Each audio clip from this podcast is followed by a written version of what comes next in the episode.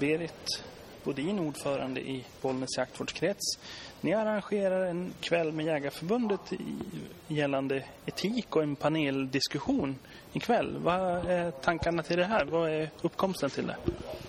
Ja, vi i styrelsen tycker att det är väldigt angeläget att eh, börja fundera kring de här frågorna och diskutera och ja, tänka sig för lite grann. Det, det, etik kan vara ganska ett vitt begrepp, men jag vet att många reagerar på till exempel vad man lägger ut på sociala medier.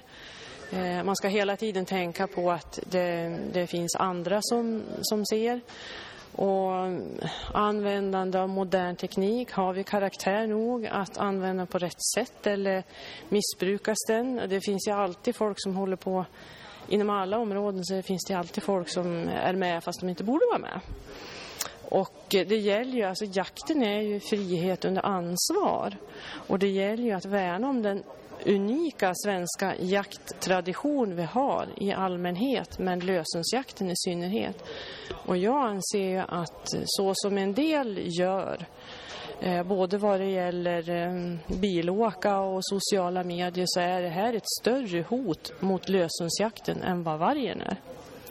Det är bara att titta hur det är i andra länder och det är hemskt lätt att förbjuda men vi måste inse att det är, vi har en ganska unik, bra jakt som man inte har på andra ställen. Det är inte vanligt med lösensjakt i andra länder och det, man har välja begränsningar och det är lätt att rasera och man ska komma ihåg att det sitter folk där ute som hela tiden gör allt vad de kan för att stoppa lösensjakten. Tycker du att eh, jägarkåren pratar för lite etik?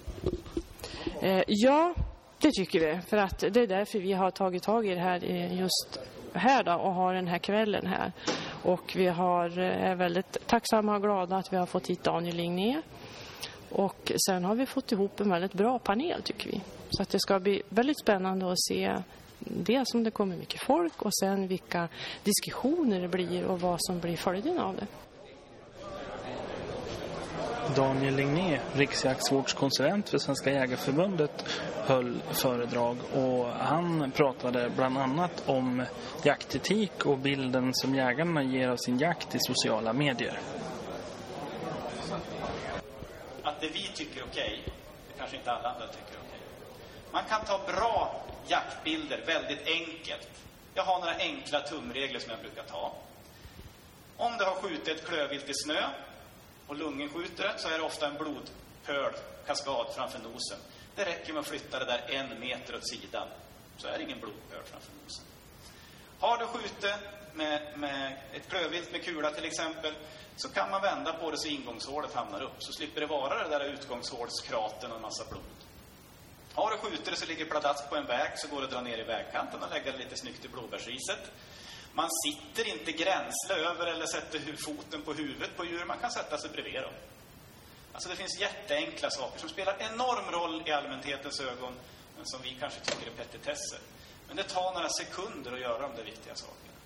Man sätter inte ölburkar eller cigaretter i djurens munnar, till exempel. Och vad det nu kan vara.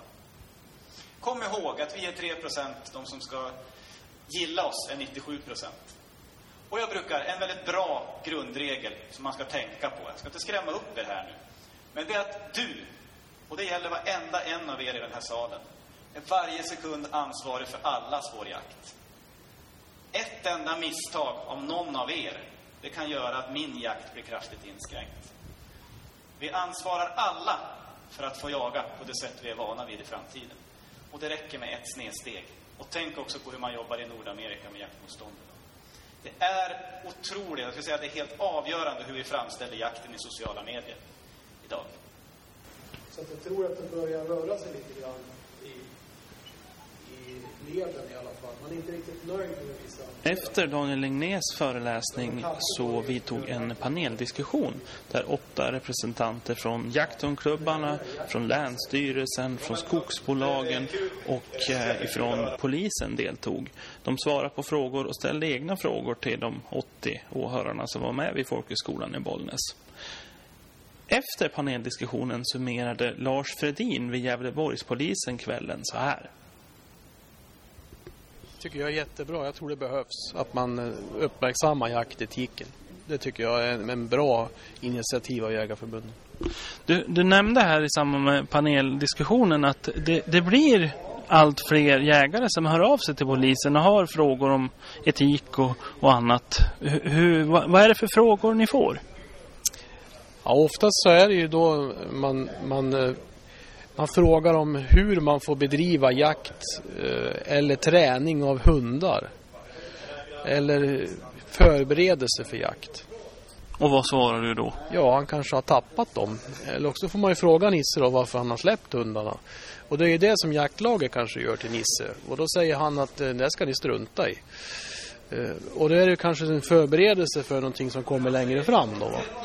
Just. Och, och då, är det, då är det frågan om, om hundsläpp under icke tillåten tid helt enkelt. Ja, det, den stora frågan har ju varit att man, man har eh, inte använt reglementsenliga åtlar och så har man då åkt med hund och sen så när man får ett spår så släpper man hunden. Ja, det låter ju inte som en etikfråga direkt. Ja, det är ju en juridisk fråga egentligen. Men, men i grunden är det ju en etikfråga för man tror inte att man gör något fel. Man vill liksom ha bra hundar och det sker oftast två veckor före björnjakten börjar. Och då är vi inne i början på augusti någonstans. Precis.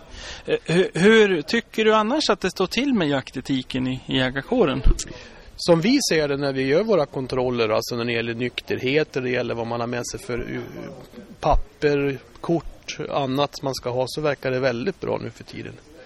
Och, och vilket budskap vill du ge till jägarna för att det ska bli ännu ett snäpp bättre då med tanke på de frågor ni får in? Att man helt enkelt ska tänka på jaktetiken och ta upp den i jaktlagen tycker jag. Så att man inte går på den minan att man använder bil när man inte behöver och inte får. Och våga säga ifrån har varit i fokus ikväll. Vad, vad tycker du där? Ja, det tycker jag. Jag tycker man ska våga säga ifrån att i vårt lag är det här inte okej.